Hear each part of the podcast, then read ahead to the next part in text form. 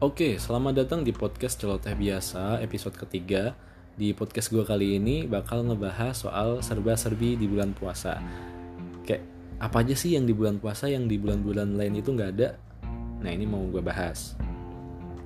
Tapi sebelumnya ini kita udah puasa ke berapa ya? 11 apa 12 ya? 11 sih kayaknya sih. Cepet banget ya perasaan baru kemarin gitu ya. Udah mau dua minggu bentar lagi lebaran THR turun. Wow, itu kan yang kalian tunggu kan? Sama kita berarti. Ya oke langsung aja. Yang pertama itu di bulan puasa ini biasanya ada berita musiman. Gue nyebutnya berita musiman karena ini tiap tahun ini berita ini pasti ada gitu.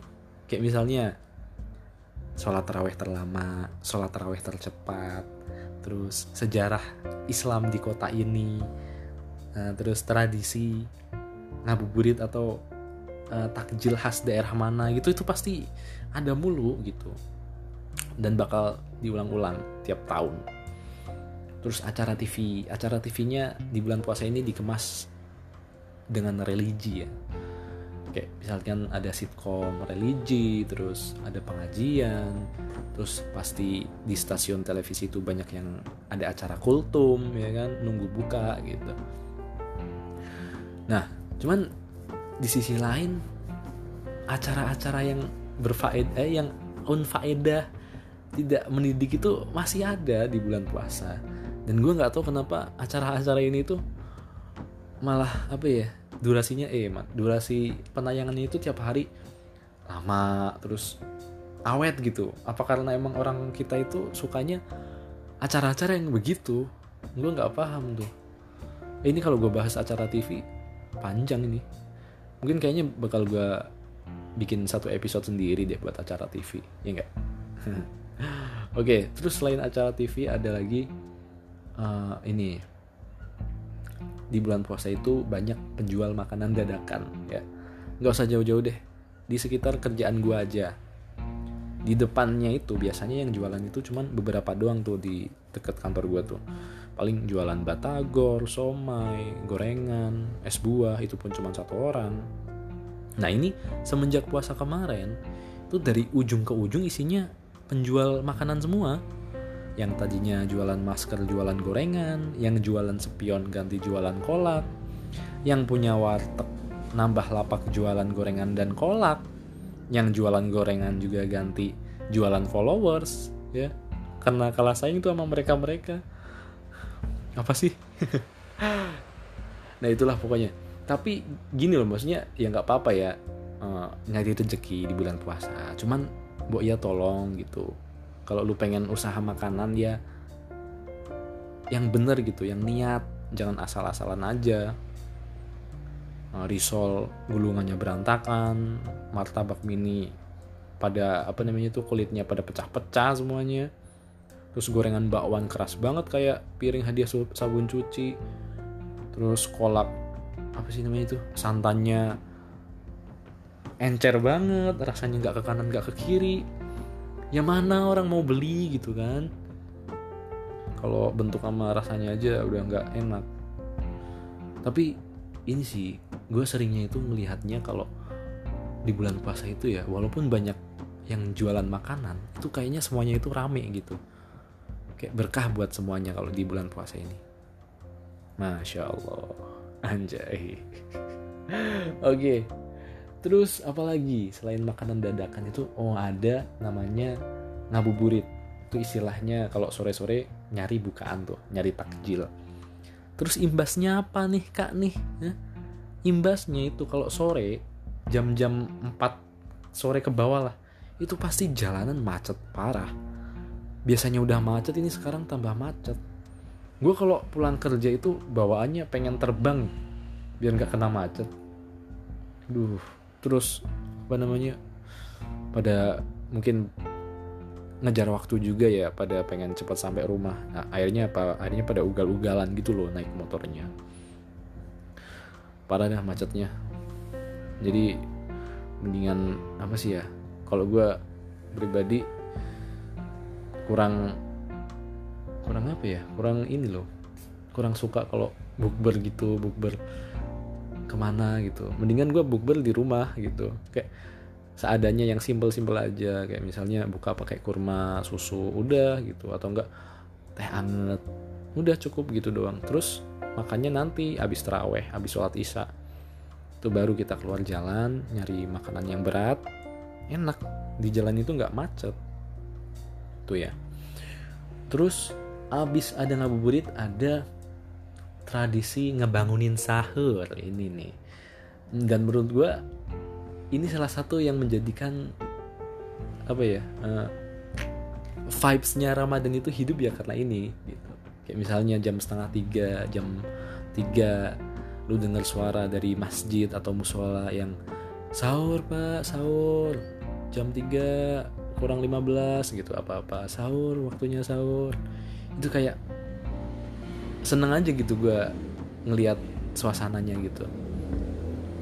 Terus belum lagi anak-anak kampung biasanya yang pada gerombol keliling ngebangunin sahur pakai kentongan pakai drum terus ya biasanya kreatif kreatif ya anak-anak itu ya. Tapi ada tuh gue kadang sebel itu sama bocah-bocah ini. Kenapa? Karena kadang ngebangunin sahurnya itu nggak ngelihat jam nggak ngelihat waktu masih setengah satu masih jam setengah dua jam dua itu udah udah pada kelontang kelontangan sahur sahur ya kita kan bangun ya. Bangun cuci muka mau siap-siap sahur. Eh pas lihat jam lah masih jam 2 ya kan masih lama itu gue kesel banget. Udah kayak kita bangun sekuat tenaga ya kan? Nggak taunya masih lama. Kan kampret banget itu bocah-bocah. Tuh terus ada di bulan puasa itu ada namanya ibadah sholat raweh ya ini adanya cuma di bulan puasa doang nih. Sholat raweh dan ada tuh ada tradisi entah itu siapa yang mulai dan dari kapan tradisi ini ada. Jadi minggu pertama itu di masjid atau di musola pasti itu penuh orang-orang pada sholat raweh penuh. Kadang sampai ke halaman gitu kan cuman setelah minggu kedua kesononya itu pada berkurang dikit-dikit kurang tiga orang kurang satu terus habis itu kurang sebaris. Terus kalau udah mau mendekatin lebaran itu nambah dikit gitu orang-orang pada apa namanya pada udah fokus ke nyari baju lebaran gitu. Ya emang sih sunnah cuman kan sayang aja ya itu cuman setahun sekali. Ya ada baiknya misalnya kalau bisa kita laksanain ya udah gitu laksanain aja. Kecuali kalau lu emang ada perlu apa ada apa namanya ada urusan apa terus nggak bisa sholat ya it's okay gitu. Nah ngomongin ibadah itu bulan puasa tahun ini sama tahun kemarin itu hampir sama ya tahun ini sama tahun kemarin sama hampir sama lah. Masa, uh, masih dalam masa pandemi. Tapi bedanya di apa namanya di tahun ini itu nggak seketat tahun kemarin. Kalau tahun kemarin kan masjid-masjid ditutup ya nggak pada ngadain traweh tuh di Jakarta ya. Terus sampai sholat itu aja di rumah gue tahun kemarin. Nah tahun ini ngadain apa masjid-masjid udah buka terus banyak yang ngadain teraweh ya kemungkinan juga sholat id bakal ada tuh di masjid. Nah cuman ya tetap ya di masjid itu kalau sekarang itu di Jakarta misal, misalkan lu mau masuk dicek dulu pakai termogan terus di dalamnya dikasih sekat-sekat ada social distancingnya dan wajib memakai masker. Nah ngomongin masker ini entah gue sendiri yang ngerasain apa lo juga tuh. Jadi gue itu nggak betah lama-lama pakai masker gitu apalagi misalkan lagi sholat gitu. Oke okay lah kalau sholat biasa yang 5-10 menit kelar nggak apa-apa gitu. Cuman ini teraweh gitu yang sejam biasanya. Belum kalau ada khutbahnya bisa lebih. Dan lu disuruh pakai masker selama satu jam lebih.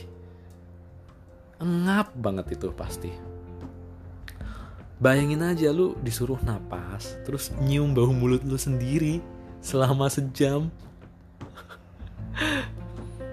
itu iya nggak apa-apa. Misalkan bau mulut lu wangi gitu ya nggak apa-apa. Tapi kalau lu abis buka pakai rendang apa pete jengkol itu aduh itu puyeng pala ya beneran dah. Aduh. Cuman ya jangan dijadikan uh, corona ini uh, alasan buat kita malas-malasan di ibadah bulan puasa ya. Harus tetap semangat harus uh, lebih baik daripada tahun kemarin ibadahnya dan semoga nih kita dikasih umur panjang kesehatan sampai lebaran ya. Bila perlu sampai lebaran yang tahun depan biar kita bisa nemuin bulan Ramadan juga tuh ya pokoknya doa yang terbaik aja dan semoga tahun depan puasa kita udah kembali normal nggak ada corona. Amin. Ya. Ya mungkin itu aja kali ya podcast gue kali ini. Uh, selebihnya kalau ada kesalahan ya mohon dimaafkan. Kalau nggak dimaafkan ya bodo amat gue udah minta maaf. Oke sekian aja. See you next time and chill